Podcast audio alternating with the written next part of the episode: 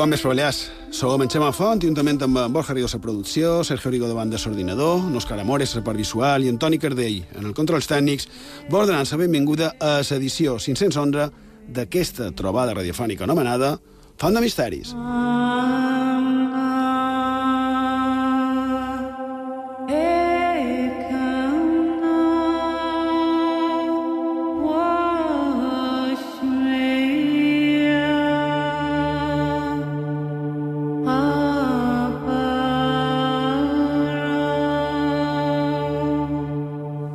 Bon vespre, Borja Rigo. Bon vespre. Sergio Rigo, bon vespre. Bon vespre, Xemà. Dissabte 28 d'octubre de 2023. No entrarem en els detalls, ja ho van comentar en el seu dia, per avui es canvia l'hora, avui, a, a les 3 del matí. Eh? D'aquí quasi 4 horetes tornaran a ser les dues. Eh?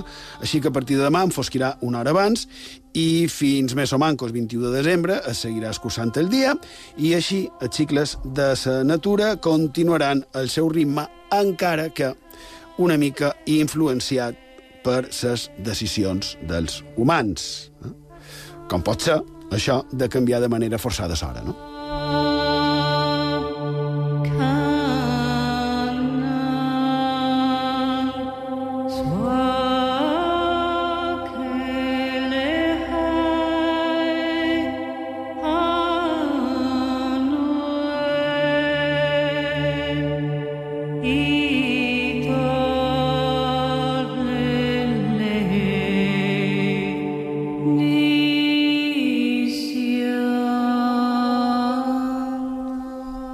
Cicles de la naturalesa que han format part de la vida quotidiana fins, fins no fa tant i que també forma part de, de les llegendes, els misteris i les creences per tot arreu i que tan relacionat està um, amb els cicles naturals que deia, no? Borja, uh, te'n recordes que l'altre dia vàrem estar parlant del calendari folclòric de Mallorca del, del pare Llinar? I d'avui li he pegat ueada, perquè ho vàrem estar comentant tu i jo, i crec que no va ser en és igual. I mireu què he trobat referit en el 28 d'octubre. Resulta que avui és Sant Simó i Sant Judes, apòstols, i bé, era un dia que pels creients eh, és o era obligat d'anar a missa encara que fos dia faner.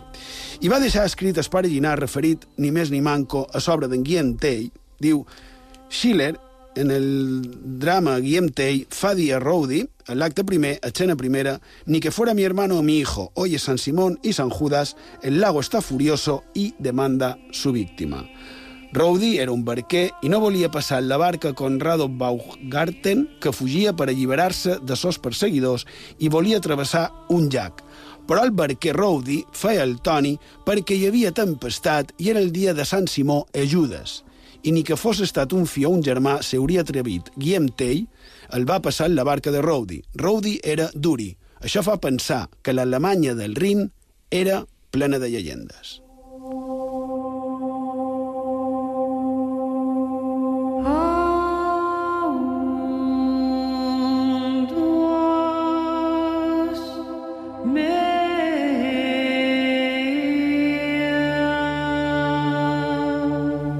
Efectivament, l'Alemanya del Rin, com tant d'altres indrets, són plens de llegendes. De fet, a queixa de la víctima que es cobrava un llac o, un mar o, o semblants, també, evidentment, també les tenim per aquí. Però m'ha cridat l'atenció perquè no ho coneixia i per la nota peu de pàgina que fa, i bé, recomanable aquell treball damunt del pare Llinar que Miquel Esbert i Andreu Remis, Ramis se, se van encarregar de, de reeditar amb Saïm Edicions i que en aquest cas, referit en aquest dia d'avui, 28 d'octubre, Sant Simó i Sant Judes, diu Lutero habitaba una Alemania sumergida en leyendas cristianas y paganas. ¿No es el Warburg el lugar del encuentro de Tannhauser y de Venus? Poblada de oscuros y profundos bosques, habitados todavía en su tiempo por los viejos duendes alemanes, brujas, hechiceros, espíritus, trasgos, gnomos, sátiros, etc. Toda esa danza de siniestros fantasmas de la Walpurgisnacht y las borracheras del Blockberg y el Brocken. I per això no és estrany que tingués visions essent d'un temperamento ardiente, nebulosa, vivamente poético i propenso a visiones, encara que és possible que no fos tot fantasia quan diu que va veure el dimoni en forma d'un ca gros, negre, d'ús flamejants La imaginación de Goethe estaba poderosamente obsesionada por el perro diabólico de Lutero cuando lo introdujo de una manera tan brusca en el fragante atardecer de estío que sigue la escena de Feria de Fausto. ¿Ves ese perro negro que ronda entre la cebada y el rastrojo? Obsérvalo bien. ¿Por quién lo tomas? ¿Has advertido cómo galopa en espiral acercándose cada vez más a nosotros? Mira, si no me engaño, cómo va dejando una estela de fuego.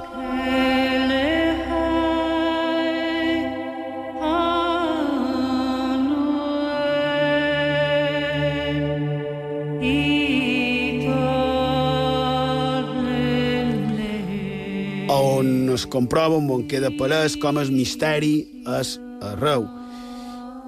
I per cert, això vol dir que dimarts vespre és la nit de les ànimes, la nit en què el món dels vius i dels morts s'entremesclen, la nit en què tot allò més estrany es podria fer realitat. O no, clar.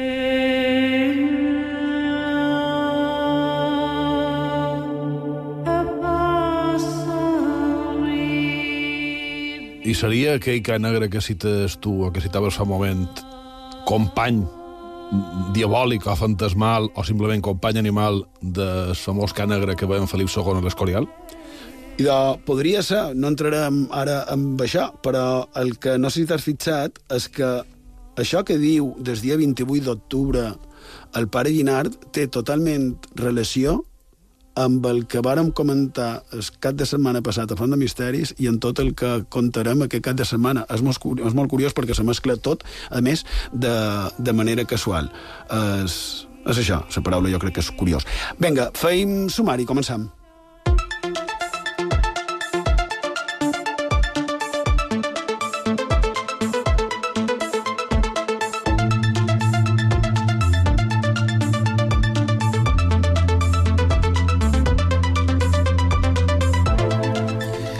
I d'aquest programa 511 de Font de Misteris el començarem parlant de l'estranya desaparició d'en Glyn Miller quan volava en avioneta. Qui era i quan va ocórrer?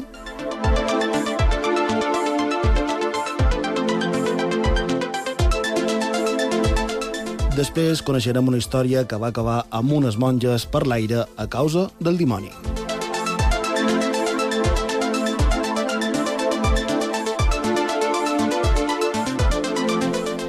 I a la darrera part del programa coneixerem més coses del venerable Julià Font i Roig, nou fill il·lustre del poble de Maria de la Salut.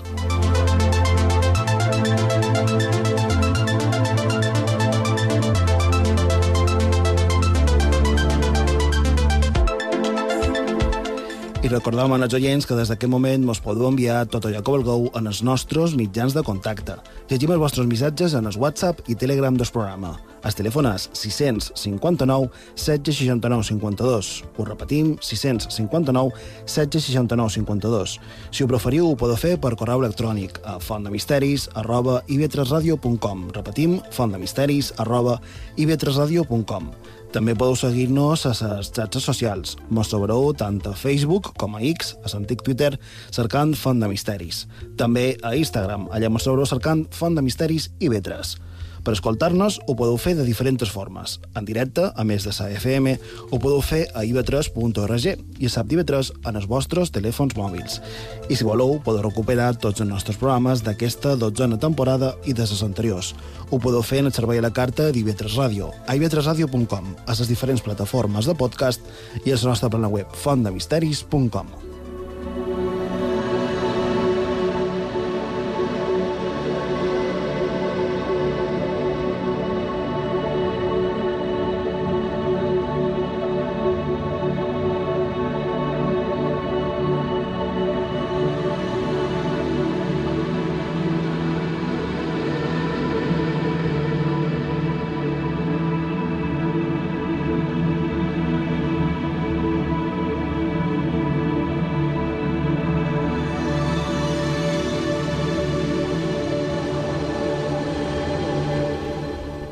Donem en la secció d'en de, Sergio Rigo, Mont Diversos, on bé, cada setmana li pega cap a qualque historieta de la història eh, que li hagi semblat cridadissa.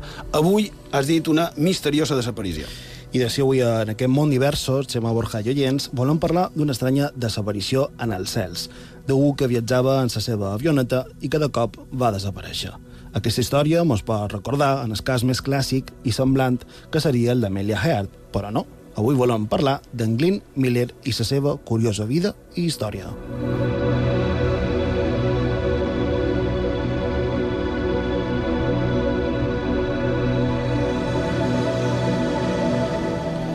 Al migdia del diumenge del 15 de desembre de 1944, en els darrers mesos de la Segona Guerra Mundial, un avió monomotor va sortir de Twinwood, al sud d'Anglaterra, amb destí a París. Dins l'avió anaven dos oficials de la Força Aèria dels Estats Units i el major Glyn Miller, un famós director d'orquestra que, entre altres fites, va aconseguir a 1941, amb el disc Chattanooga Cho Cho, es va convertir en el primer disc d'or de la història al vendre més d'un milió d'exemplars. I d'aquell dia, el temps era clar, però en pocs minuts, de sobte, l'avió d'en Miller va desaparèixer entre els nígols i mai més se'l va tornar a veure. Miller anava a la recent alliberada de París per organitzar un concert nadalenc per als soldats, i la notícia de la seva desaparició se va expandre amb rapidesa causant una gran consternació.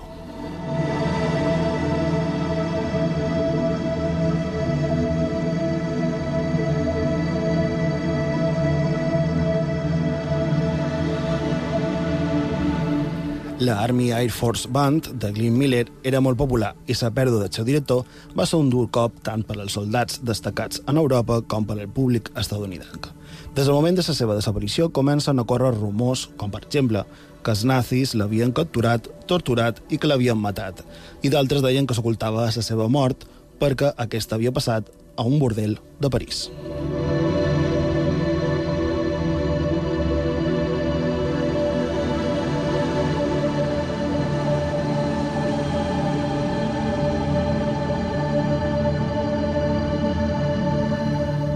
Sense comunicació per ràdio del pilot i sense senyals d'auxili i, sobretot, sense les restes de l'aparell, el final del músic hauria estat ignorat durant més de 50 anys.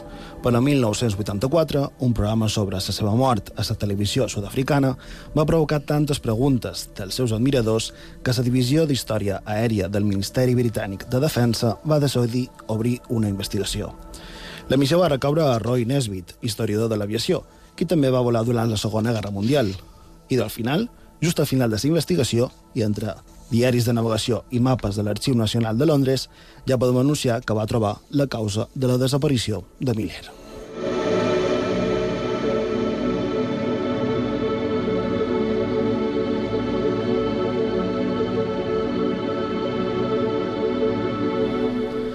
La primera pista sobre el que va poder passar realment va arribar després de la pel·lícula biogràfica de Glyn Miller Story, filmada al 1956.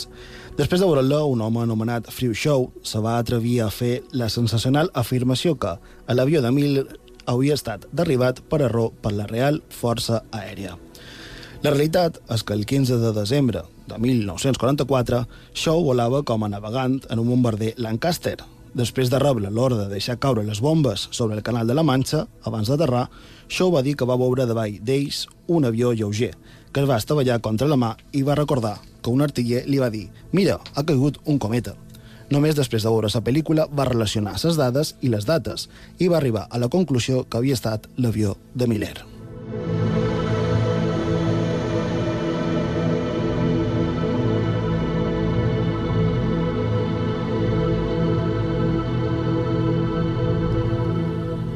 Això el varen acusar de cercar publicitat i pareixia que hi havia algun lapsus significatius en la seva història.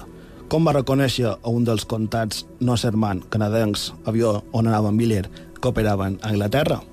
Com se va ficar el Norserman a una perillosa zona de descàrrega on els avions aliats llançaven les bombes sobrants quan tornaven a casa seva?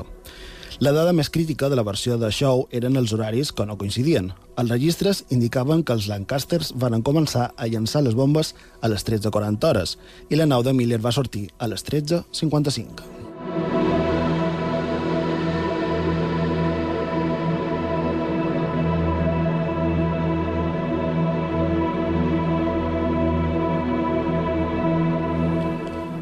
però no tots van descartar aquesta teoria. I Nesbitt, que abans hem mencionat i que tenia la missió de descobrir què havia passat realment, va demostrar que això sí que era capaç de demostrar que podia reconèixer una nau cola d'en Miller, perquè havia realitzat entrenaments a Canadà amb aquest mateix model d'avioneta, les Nosserman.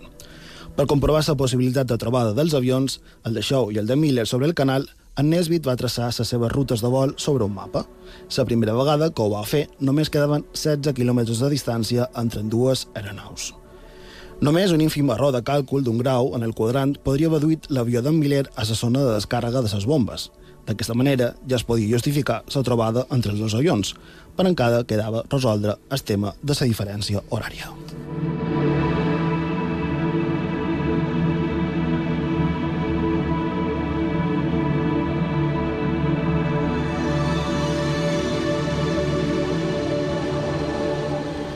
De tornada a l'arxiu públic, en Nesbitt va revisar les bitàcores i de cop tot se va aclarir. La RAF operava en l'hora de Greenwich, curiós això avui precisament que canviant l'hora, i de la RAF operava en Greenwich per tenir fixes les posicions del Sol, la Lluna, els planetes i les estrelles. I per altra part, la base aèria estadounidenca a Medgould, a Norfolk, des d'on va operar això, utilitzava l'hora local. Traduït a llenguatge que entenguem, hi havia una hora de diferència perquè l'Estatut Especial d'Administració i Ordre de Defensa, en temps de guerra, donava als britànics una hora extra de llum diurna a l'hivern. De fet, en Miller havia sortit 45 minuts abans que els Lancaster arribassin a la zona de descàrrega de les bombes i no 15 minuts després. I d'aquesta manera, ara sí, es podia confirmar el manco amb dades, perquè mai s'ha pogut aclarir en el 100% el que va passar, és que efectivament en Miller va caure en el canal de la Manxa, quan els Lancaster de la RAF varen rebre l'ordre de mollar les bombes i just en aquell moment es varen obrir les comportes i van fer desaparèixer per sempre l'avió d'en Miller. Que vos pareix?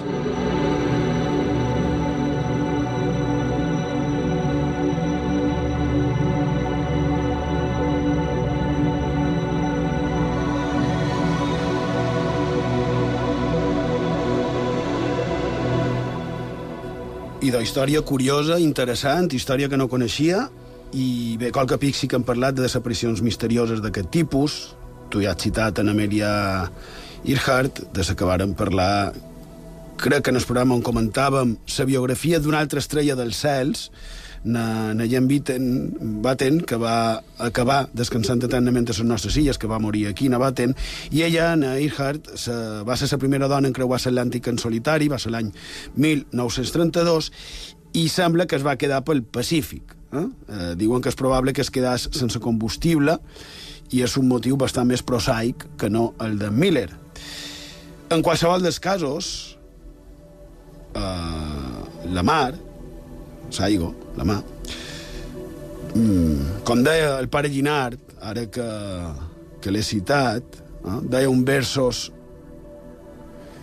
que ell és voluble i fa forat i tapa, d'un glob s'envia un port a una ciutat i tot seguit se llisa i va de cap a magna i somriu com si res fos estat.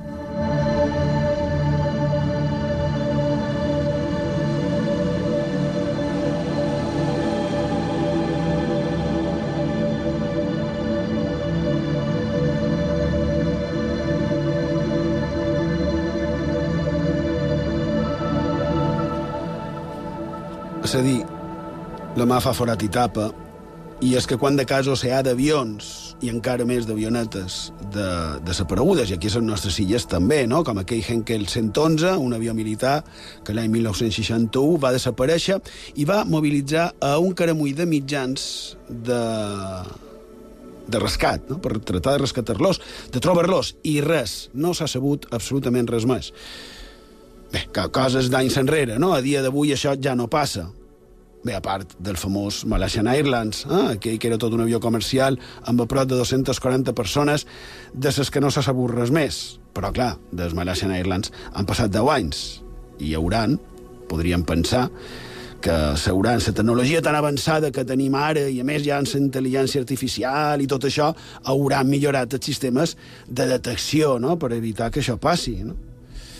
I de no, perquè com sempre la realitat supera la ficció. Mireu aquest cas d'un avió F-35B Lightning 2, un avió d'uns 80 milions de dòlars i que forma part d'un dels programes d'armament més avançats i costosos del món, perquè aquest avió és protagonista d'aquesta curiositat que va succeir fa un mes. Va passar el setembre de 2023. Un pilot de combat a Carolina del Sud, en els Estats Units, té un incident quan el pilotava i va prendre la determinació de botar de l'avió. allò d'ejectar-se. Eh? Això de que s'obri el vidre de sobre, de la cabina, i, i surt cap amunt, el pilot, i cau amb un paracaigudes. Perfecte, recedir, les vides humanes han de ser el primer, està clar, i ja després veiem què ha passat.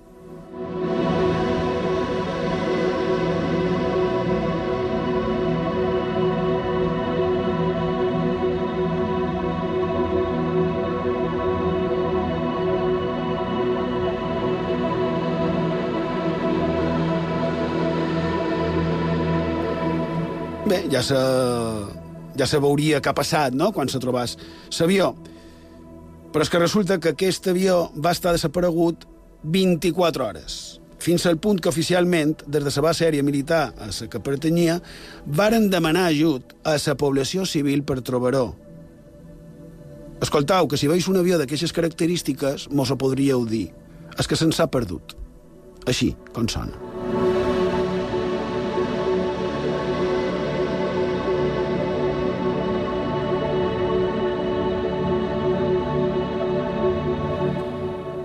I aquí ve la part més increïble, i és que sembla que aquest avió va estar volant de manera autònoma durant un temps i no el varen trobar fins 24 hores després. Com és possible que passi això? No? I no m'ho deman jo. També ho va fer la congressista del govern dels Estats Units de Carolina del Sud, que va dir públicament, textual, diu com dimonis es perd un F-35? Com no hi ha un dispositiu de seguiment i demanam al públic que trobi un jet i l'entregui. Ja dic, la realitat, com anem veient en el programa, segueix superant la ficció. I bé, això acaba, que ho varen trobar després de 24 hores i, com és habitual, darrere de tot això, molt d'hermetisme i jo supos que aquest hermetisme diran que és per motiu de seguretat, clar. Però en qualsevol cas, tal vegada caldria recordar aquí que aquests mateixos són el dels UAPs, no sé si voleu dir res damunt d'això, o és millor que no digueu res damunt d'això, no ho sé. Però... És que, aquí, eh? efectivament, no, no puc estar més d'acord amb això de que mos agradi o no, la realitat eh, encara sempre supera a la ficció. I a més, eh, no sé, sembla com, com a decudit. I més quan la congressista de Carolina del Sud diu com dimonis es perd un F-35. O sigui, jo entenc que tu creïs una tecnologia que permeti que l'hipotètic enemic no trobi o no pugui detectar l'avió. Però se suposa que tu has de por, eh? Aquesta és idea. I haver de demanar a la gent, eh, si trobeu un avió estavellat per aquí, mos avisareu. No ho sé. I sobretot perquè a nivell usuari tenim uns aparatets que posem a qualsevol banda i mos foten el mòbil on està. Vull dir, Ei, com no pot tenir un avió d'aquestes característiques. Els clar. cotxes de lloguer també ho tenen, aquests dispositius GPS, vull dir... Eh, eh, bé, feim una petita pausa i tot una continuem. Aquí, a Font de Misteris, a IB3 Ràdio.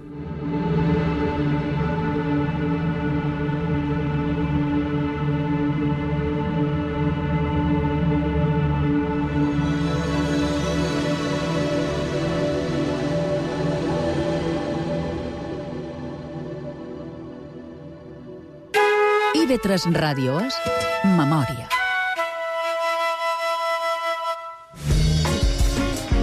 Eclèctic, on conviuen totes les músiques.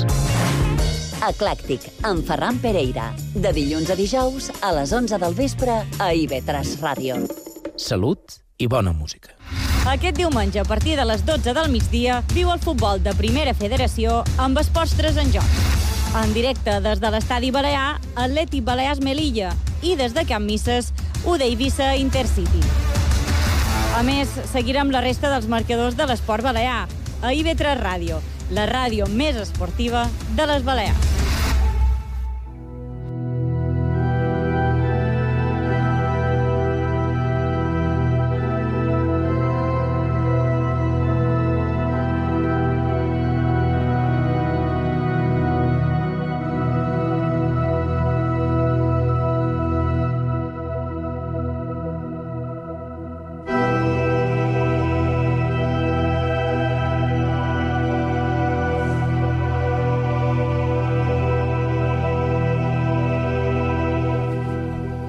Seguim a Font de Misteris, sintonia d'IV3 Ràdio, la ràdio pública de les Illes Balears. A la xarxa mos podeu trobar a iv3.org, també a les aplicacions de mòbil i a fontdemisteris.com. I ara mos anem amb en Borja, que mos contarà una d'aquelles històries impossibles i del tot veritablement increïbles. Quan vulguis, Borja Rigó. I doncs resulta que no fa gaire, trascant una mica aquest temes que hem parlat aquestes setmanes darreres a, a Font de Misteris. Bé, en realitat cercava altra cosa, però ja sabeu com, com funciona això. I també topat amb un curiós personatge del segle XVII, un frare trinitari portuguès que anomia Fray Luis de la Concepción i que, per mort de la seva feina, va ser testimoni de coses estranyes i terribles i també de fascinant prodigis, tal i com va escriure en el seu llibre Pràctica de Conjurar, que va publicar a de Henares l'any 1773. Jo he consultat una edició de 1721 i, francament, se poden treure moltes històries com des impossibles d'aquestes que tant mos agraden. Anava per la pàgina 140 i no vaig topar amb un sorprenent títol, una espècie de, de, de no sé si, advertència 1, posava, que després he comprovat que en el principi de cada capítol ho posa com per això, per advertir el lector de lo que s'ho trobarà. Diu, eh, mos exposa que durant els 40 anys que fa que se dedica a tot això, es maligna ha canviat de manera d'actuar més de 20 vegades. I després exposa un dels casos que va viure en primera persona. En el seu càrrec d'exorcista, diu que és enviat per la Inquisició a una iglesia, no diu quina, on hi havia molta gent. Diu, a més, que està autoritzat a fer un conjur. I estareu d'acord que és curiosa la paraula que empra, no exorcisme, sinó conjur.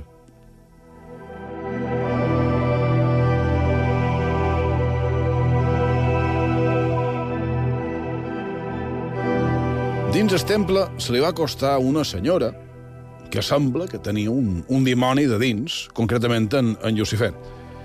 En tenir-lo davant, en Fray Luis li diu lo següent a un altre capellà que hi havia per allà. Diu que en virtud de Cristo, en nombre de toda la Iglesia Católica nuestra Madre, del Sumo Pontífice del Santo Tribunal y en nombre suyo y nuestro, mandase a todos los demonios que asisten a cualesquier personas de las allí asistentes se manifestasen sin daño de criatura alguna y el mandato fuese imponiéndoles y echándoles la maldición de parte del Santísimo Sacramento. I què va passar a continuació? I una de les coses, honestament, més espectaculars de les que he trobat fins ara. I no es dit poc.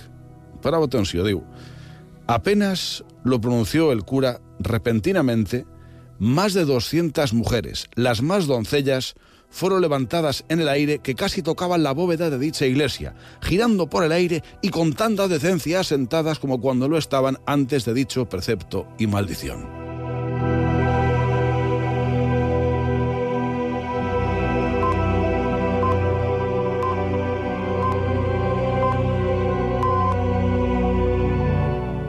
I continua dient que els dimonis, emprant les mans de les dones, pegaven cops forts per les parets, tan forts que semblava que tota l'església estava feta de taulons de fusta. I encara hi ha més. En relació en aquella primera dona que he citat fa un moment, diu Y no contento con esto, Lucifer, que estaba en dicha señora atado con la estola, hablando en ella con los demás espíritus, les mandó que subiesen por el aire a lo alto de la iglesia todos los bancos y escaños grandísimos que había. Así lo hicieron con los demás bancos fuera del escaño en que yo estaba sentado y al cual el cura estaba arrimado.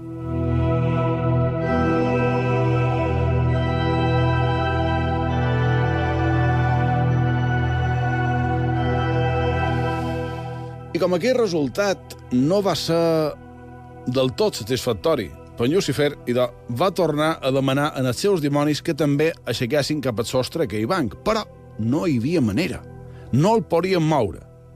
Així, tots aquells éssers infernals van començar a fer encara més renou i més escàndol, i l'inquisidor, que també hi havia per allà, va demanar, per favor, que aturassin. I en sentir aquella súplica, en Lucifer, i de, li va dir en el protagonista d'aquesta història, en en Fray Luis, que si volia que aturés tot aquell trull. I què va dir? El Trinitari. Va dir, dragón infernal, yo había de admitir tus embates. Yo les mandaré en virtud de aquel señor sacramentado y debajo de dicha maldición que callen y que bajen todas las criaturas que subieron primero los bancos y escaños, y después las criaturas racionales, sin hacer daño alguno, y sea todo puesto en sus lugares sin discrepar un punto. I després li continua dient al dimoni que si els seus companys infernals no creuen, serà ell qui creurà. I acabat aquest Parlament, tot se va començar a compondre.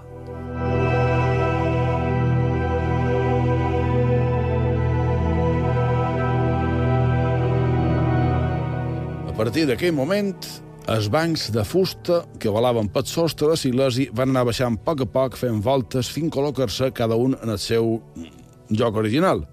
I, a continuació, un va fer, ho varen fer aquelles més de 200 dones que volaven per allà també. I després, abans de partir, el maligne va voler increpar una mica més en en Fray Luis, però no ho va aconseguir i també va descompareixer.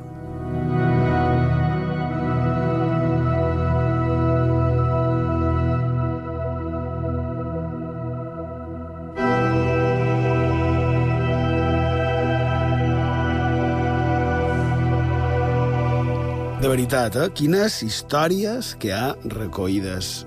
I, i com criden l'atenció, i molt més quan, bé, segons quan, aquí i com, idò, eren motiu de ser objectes, segons com, no?, d'un procés inquisitorial, i, i segons com, d'un procés de santedat, no?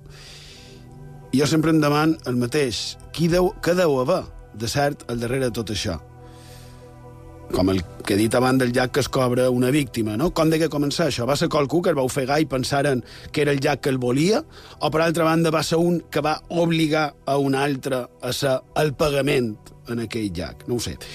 I, en aquest cas, què degué passar per acabar dient que 200 dones i els bancs i, i, i tot allò volava per dins l'església?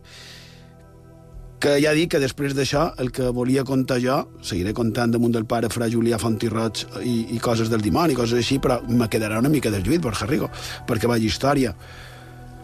A bé, i un detall que sí que t'ho volia dir. Jo crec que conjurar com a tal també és fer un exorcisme, perquè crec que surt a la Bíblia com a tal, amb aquest, amb aquest significat d'exorcisar. Però l'escena de 200 dones volant per l'església jo crec que encaixa més amb una pel·lícula, no sé, d'anàlegs de la Iglesia que no d'una situació suposadament real entre un religiós, un inquisidor i uns dimonis. No ho sé, brutal.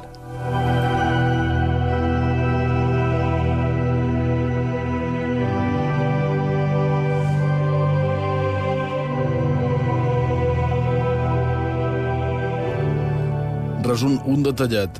Ara que has dit lo de la pel·lícula, aquí a Font de Misteris ja fa uns mesos, crec que va ser la temporada anterior, vaig criticar molt una pel·lícula que havia vist en el cine, la darrera d'en Russell Crowe, que fa d'exorcista, l'exorcista del papa era.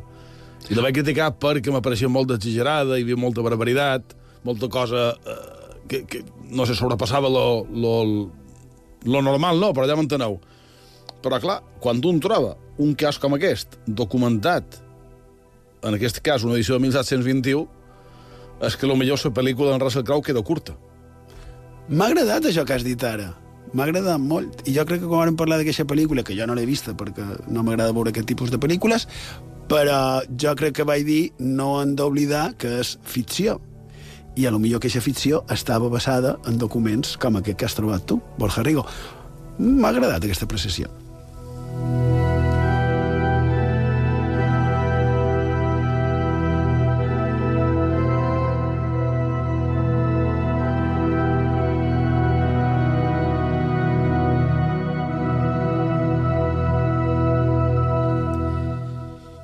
Bé, i com deia, seguim amb el que contàvem la setmana passada damunt d'aquí religiós del segle XVI, que ha estat nomenat fi il·lustre del poble de Maria de la Salut, a Mallorca, i era un senyor que ja era fi il·lustre de Silla de Mallorca i també de la ciutat de Palma.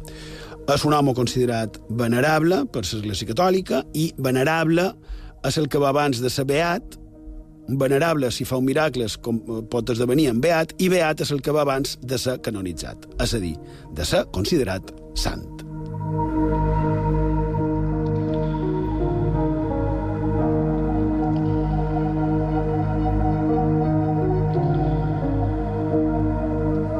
Bé, ja vàrem estar veient la quantitat de coses curioses que hi ha al darrere d'aquest senyor,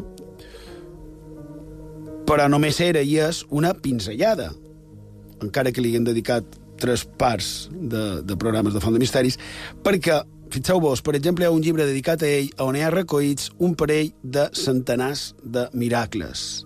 Un parell de centenars de miracles és un parell de centenars de miracles, més de 200. Però ara m'arrebé. No et suposava que el dimoni no pot estar a lloc sagrat? Perquè tu, Borja, acabes de contar aquell estrany cas de les 200 donzelles voladores, que ara ja mos quedarem segurament amb un nom així o semblant, perquè nosaltres li posem noms a les coses que anem trobant.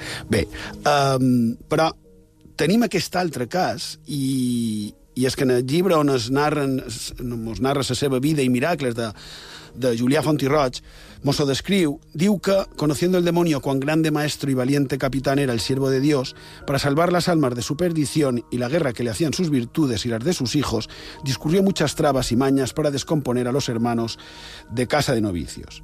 Embestíales con varias tentaciones que perturbaron los espíritus de muchos, y sin manifestarlas a su maestro, éste las remediaba, sin duda oyendo las voces de Dios en el secreto de su corazón orando, en cuya quietud suele hablar Dios a los suyos. És a dir, en el noviciat, ell era l'encarregat del noviciat, i de, el dimoni tentava en els novicis. Tampoc massa greu, vist des del nostre punt de vista del segle XXI, sempre i quan fossin adults, eh? ja m'enteneu. I diu que ell, en fra Julià, acudia como buen pastor a socorrerles hallándoles en las tentaciones y con la medicina eficaz de la y santas exhortaciones les sosegaba y les libraba de las tentaciones. Fins aquí ja dic, si aquelles que anomena tentacions que no sé què eren, però si és el que pens, si eren entre adults, i de bé. Però, clar, des del punt de vista religiós del segle XVI, no ho sé. I més després del concili de Trento, clar. Allò era greu. Així que ell ho havia de lluitar, de combatre, perquè ell era el mestre de novicis. Sí, mestre de novicis, però també víctima dels envits del maligne, del que fixeu bé, fixeu-vos bé en l'insult, bé, i també en la redacció. Con tan buen pastor y mastín de su rebaño salía burlada la persecución del enemigo, que reconociendo tener mal pleito lo metía a voces, parando su rabia y cólera en decirle palabras injuriosas, llamándole cara quemada, que tal vez su envidia le echó en el fuego siendo niño de teta. Segons això, tal vegada, l'accident que va tenir de nin, que va caure damunt del foc i es va salvar miraculosament, eh? Que ho vam comentar la setmana passada, i hauria estat obra del mateix dimoni. Però jo no ho veig en clar, perquè per mort d'aquell accident va ser que els seus pares varen decidir que ell havia de consagrar la seva vida a l'església, fent-li arribar a lluitar contra el maligne, no? Així que això me sona una mica a contradicció. Si no hagués caigut dins el foc, tal vegada no s'hagués fet religiós i s'hagués dedicat a la pagesia. O no, no ho sabem però d'aquí a que el dimoni el tiràs en el foc quan era un bebè que començava a caminar, i de no ho sé.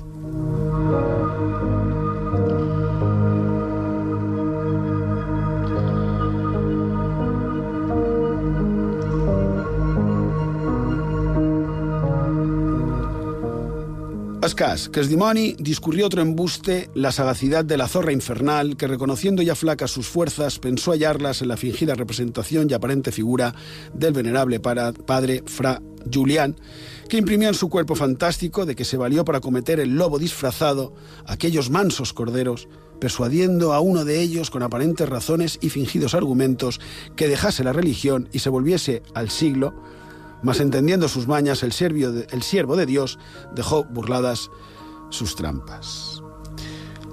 Jo no sé si ho entes bé, però el que diu és que el dimoni es presenta amb un cos fantàstic per tractar de convèncer en aquells que diu mansos corderos abandonar la religió i estaven parlant de tentacions. Eh?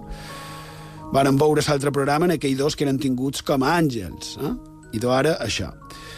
Bé, de fet, d'ell també es diu que va fer que dones que es dedicaven a... Ser, jo crec que diu mujer pública, eh? que deixassin aquella vida, en un cas que, per exemple, salva una dona d'una diu d'una casa pública, que la trau d'allà, d'allà, però estàvem amb el dimoni que l'insultava i es disfressava, que tela, tot això, però el tema és que els insults no servien de res. Segur que no li afectaven. Així que és quan el dimoni hauria passat a secció. Pasó más allá su rabia y no valiéndole ya injurias, voces ni mentidas representaciones, lo, metió su furia a manos y obras. Oraba en la iglesia el siervo de Dios una noche y cogióle el enemigo y arrastró por el suelo al, al siervo de Dios, que con grande devoción y confianza, dándose golpes en el pecho, clamaba el dulcísimo nombre, Jesús, Jesús, armas tan fuertes contra el enemigo.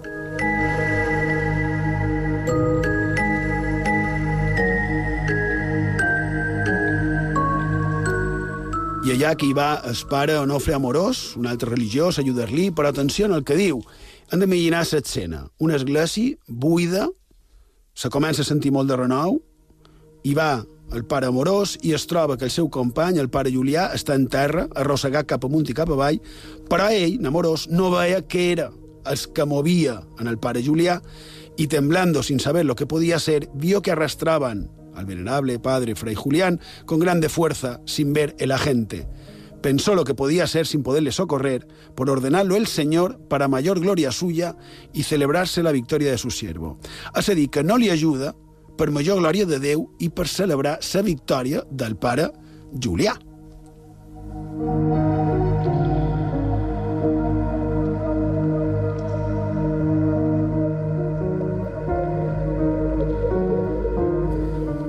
Per celebrar la victòria del pare Julià, si sobrevivia, clar, perquè ja varen comentar la setmana passada que en el seu company, del pare Julià, l'inquisidor Creus, també li van atacar els dimonis d'una manera molt semblant, però ell ja no va sobreviure, així que no varen celebrar la victòria damunt del dimoni del pare Creus. En el cas del pare Julià, sembla que sí.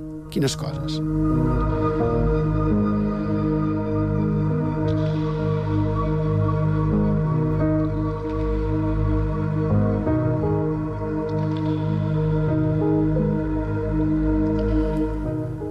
Es podria seguir i seguir, però ja anirem acabant.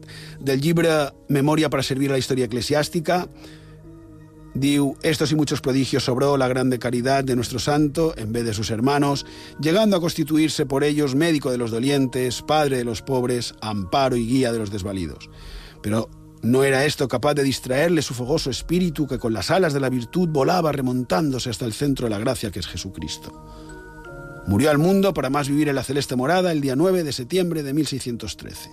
Los mallorquines, atraídos de los beneficios que habían recibido de la mano benéfica del santo, corrieron al convento de Santo Domingo donde adoraron el cuerpo que había sido templo de tan heroica alma.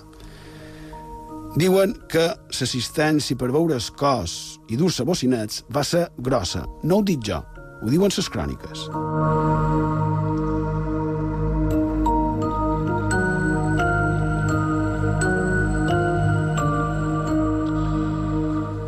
Sembla que sí, que va ser gros quan va morir. De fet, quan va morir a Palma, mos diu en Mascaró Passerius, quan parla d'ell, diu el venerable Julián Fontirroig de la Orden de Santo Domingo, fundador del convento de Manacor, venerado como santo por toda Mallorca. A su muerte, toda la ciudad, obispo, virrey y nobleza acudieron a rendir su homenaje de veneración. De él se decía que multiplicaba los panes para darlos a los pobres. Cinco, el proceso de beatificación. Curiós que fos considerat com a sant sense seró. Clar, però més curiós, crec jo, és que sigui tan desconegut, no?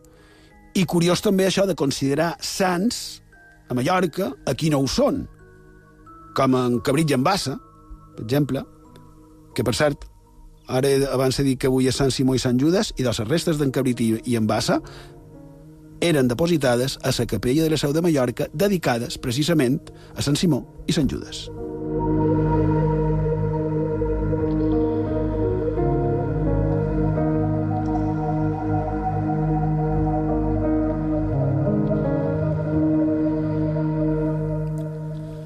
Però realment degué ser tan popular, el pare Fontirroig, tan conegut, i d'allà qui diu que sí, que el seu va ser el funeral més multitudinari d'aquell segle. Eh? I aquí ara, imaginen l'escena, cuando ocurrió su muerte en 1613, el pueblo acudió en masa a la iglesia de Santo Domingo para venerar al frare Sant. Todos querían verle, tocarle, hacerse con alguna reliquia, por pequeña que fuera. A pesar de la estrecha vigilancia, fueron tanto los despojos que casi se esfumó el hábito del finado. Su funeral, según los cronistas, fue el más concurrido de aquel siglo.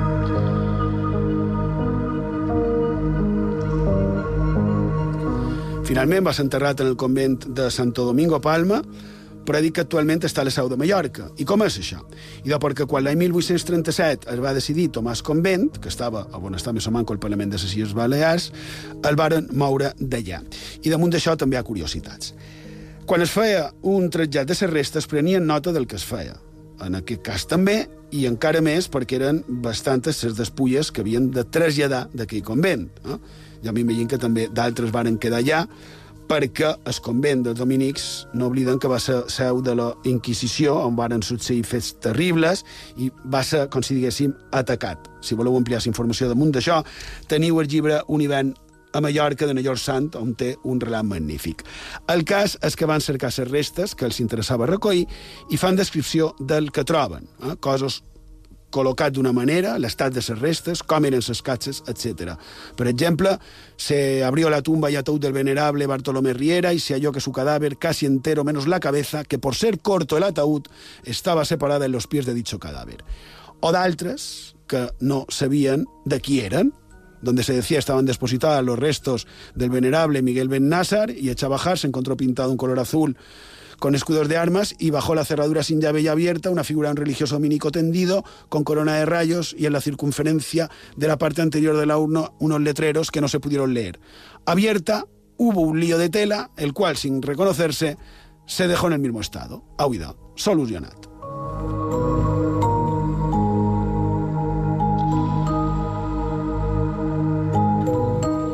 I és que, com dic, quan es feia un trasllat de restes humanes, es feia un expedient amb una declaració de com estaven i del que es feia, i les que ha recollides són molt curioses. Per exemple, en el bolletí de l'arqueològica luliana n'hi ha moltes i, bé, cada pic que s'hauria sacat sense restes feien un informe.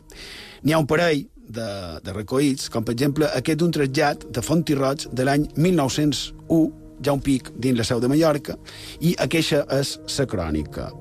Ordenó el muy ilustre señor vicario general que se rompiese el precinto y sellos y que se levantase la tapadera, lo cual verificado apareció una sábana que removida dejó ver en el fondo de la caja el venerable cuerpo separado el cráneo del tronco y este momificado y casi completamente desnudo. Aquí se pregunta, era nu pel, pel que he dit de que li van enrevessar les robes o va ser perquè se va podrir la roba? No ho especifica, però no ho sé. Puesta las manos cruzadas sobre el vientre, envuelta en un lienzo la región abdominal inferior, su ilustrísima con el ilustrísimo cabildo y el tribunal eclesiástico examinaron y reconocieron tan venerables re reliquias. Diu els metges que varen practicar el reconocimiento y, verificando este, declararon lo siguiente. En virtud del reconocimiento practicado, hemos podido apreciar hallarse los restos del venerable fray Julián Fontirroch, cuyo fallecimiento data del año de 1613, en estado de momificación incompleta, con integridad de su esqueleto, cuyos huesos componentes, en su mayoría, quedan unidos por sus articulaciones recíprocas. Preséntase la cabeza separada del tronco y desprendida de sus partes blandas.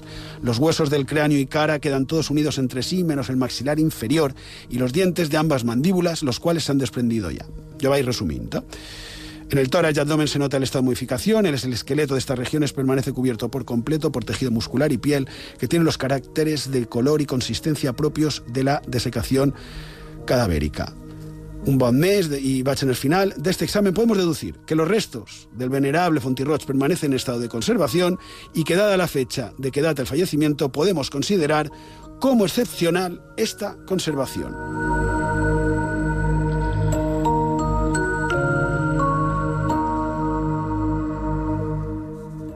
Però malgrat dir que és excepcional, diuen els metges, el informe que de 1901, ignorando las condiciones físico-químicas del terreno en que fueron depositados dichos restos, la clase de enfermedad que ocasiona el fallecimiento y demás circunstancias que pueden influir en la conservación de los cadáveres, ignoramos también las causas que hayan podido producirla en este caso particular. És a dir, que al manco mostraven sinceritat i objectivitat, o això sembla.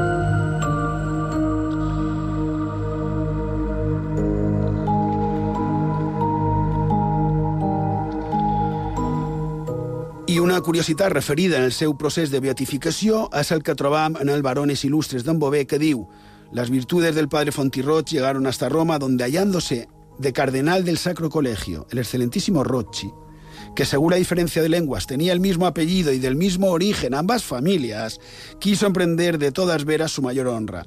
Y después de su fallecimiento, un sobrino llamado Bernardo Roch, que también llegó a cardenal, continuó las mismas diligencias, habiendo el primero mandado a Mallorca en busca del retrato del padre Julián i col·locant-lo en su palacio de Roma. Segons això, iniciaren el procés per familiaritat o és una llicència de l'autor? Que, per cert, en Mateo Roger, eh, historiador, va dir d'això, curiosa nota, en el llibre dedicat en el poble de María de la Salud, va dir se le instruyó la causa para su beatificación y se transmitió al eminentísimo señor don Bernardino Roccio, cardenal de la Santa Iglesia Romana, hacia el año 1679, la que ha quedado sin progreso por el descuido y silencio de los mallorquines. Curiós, això. I tornant en Bové, de Barones Il·lustres, és en aquest mateix llibre de 1847 on trobam la pauta d'estretjat de les seves restes. Cuando la demolición del elegante y bellísimo convento de Santo Domingo de Palma, las reliquias del venerable Fontirroch fueron trasladadas a la capilla de San Pedro de la Catedral.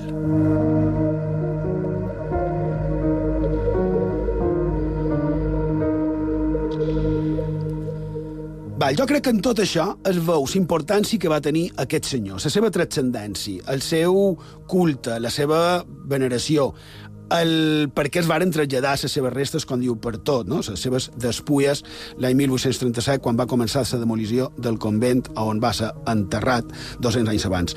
Però, clar, davant d'això me sorprèn moltíssim aquesta crònica informativa del dia 24 de gener de 1836.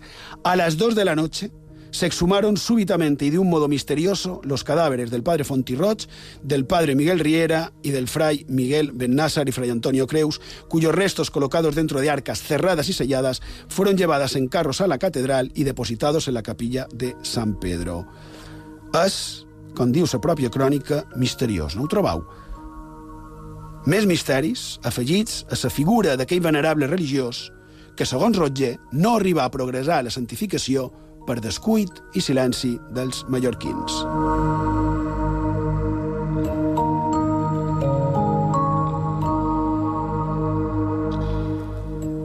Que, per cert, la branca d'aquesta família, dels Fontirroig de Maria de la Salut, varen ser, durant uns anys, els propietaris de l'arxipèlag de Cabrera. Però ja sabeu, aquesta, aquesta seria una altra història.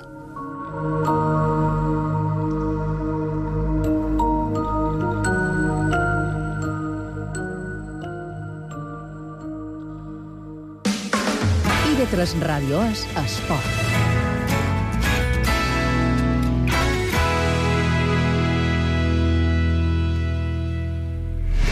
Aquest diumenge, a partir de les 7 i mitja de vora baixa, el millor futbol sala amb Esport 3 en joc. Illes Balears, Palma Futsal, Cairat al Mati. Campió d'Europa! Segueix amb Esports 3 en joc la primera ronda de la Champions amb el campió d'Europa, el Palma Futsal. El millor futbol sala del món es juga a IB3 Ràdio. Dissabte i diumenge entra en òrbita. Òrbita 3. 3. Punxant la banda sonora del cap de setmana, aquí, a IB3 Ràdio. Dissabte i diumenge, Òrbita 3 amb Tito Fuster.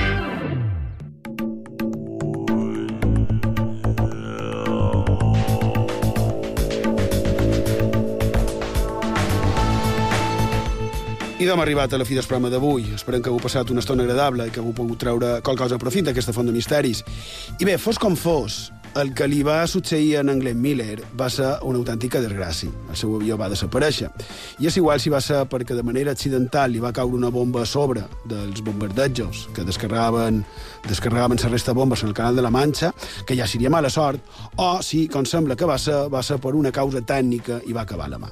El problema és l'afegit de sempre perquè quan hi ha desgràcies sempre hi ha qui genera falses notícies, bolles o, o teories estranyes inventades i que més són preses com a serioses. En el cas d'en Henkel 111 militar que he comentat abans, també va passar. No entraré en detalls, perquè familiars dels, dels desapareguts viuen aquí, a les nostres illes, i no fa falta el per què entrar en detalls que no són agradables. Però en el cas d'en Miller, difondre bolles com, per exemple, que va morir a un prostíbul a París o que va caure en, en mans dels nazis o que s'hauria fet espia i, i no sé quines més, I, i, i sí, sona bé a, a, a que és de fa temps, però el problema no és aquest, el problema és que a dia d'avui seguim igual. Ja no mos en recordam de tot el que va, es va dir, per exemple, d'aquell lot que va morir electrocutat a una estació de tren a Madrid fa només 10 dies. Té família, aquest lot, no? Anem alerta, perquè es, es pot fer mal. I, I jo sé que la majoria ho, ho fa i m'ho fa sense mala intenció, però se, se pot fer mal. I no hem de perdre la sensibilitat, l'empatia, i també hem de ser conscient de, del possible patiment dels altres. Així que ja ho sabem, utopies de la mitjanit del 17 i 3 Ràdio, però tractem de verificar les dades, no creure el que mos posen davant perquè a més són més fàcils de manipular si mos creiem tot el que mos posen davant, no? I a més, sabeu què passa? Que acabam tenint una visió distorsionada de la realitat. I és que tal vegada no tot és el que sembla. I en Glenn Miller simplement va això, patir un accident d'avió, d'avió. I ja ho he dit, la mà fa forat i tapa. Així que, per acomiadar-nos, clar que sí, d'en Glenn Miller, Blue Rain. Allí, Pau, bona nit, gràcies per la vostra companyia i fins demà.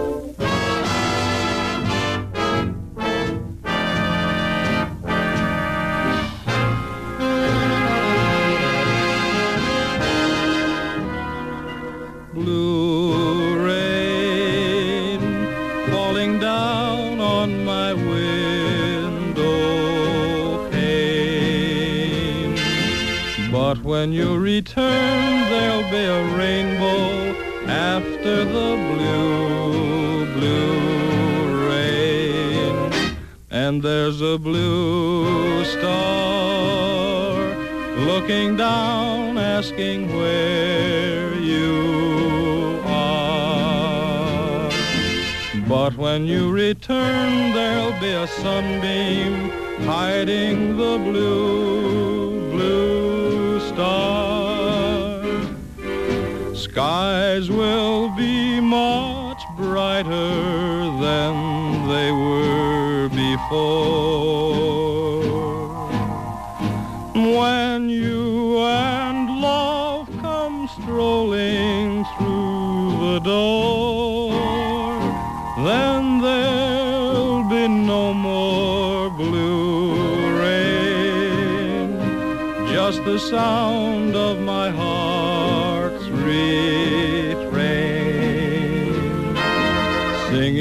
like a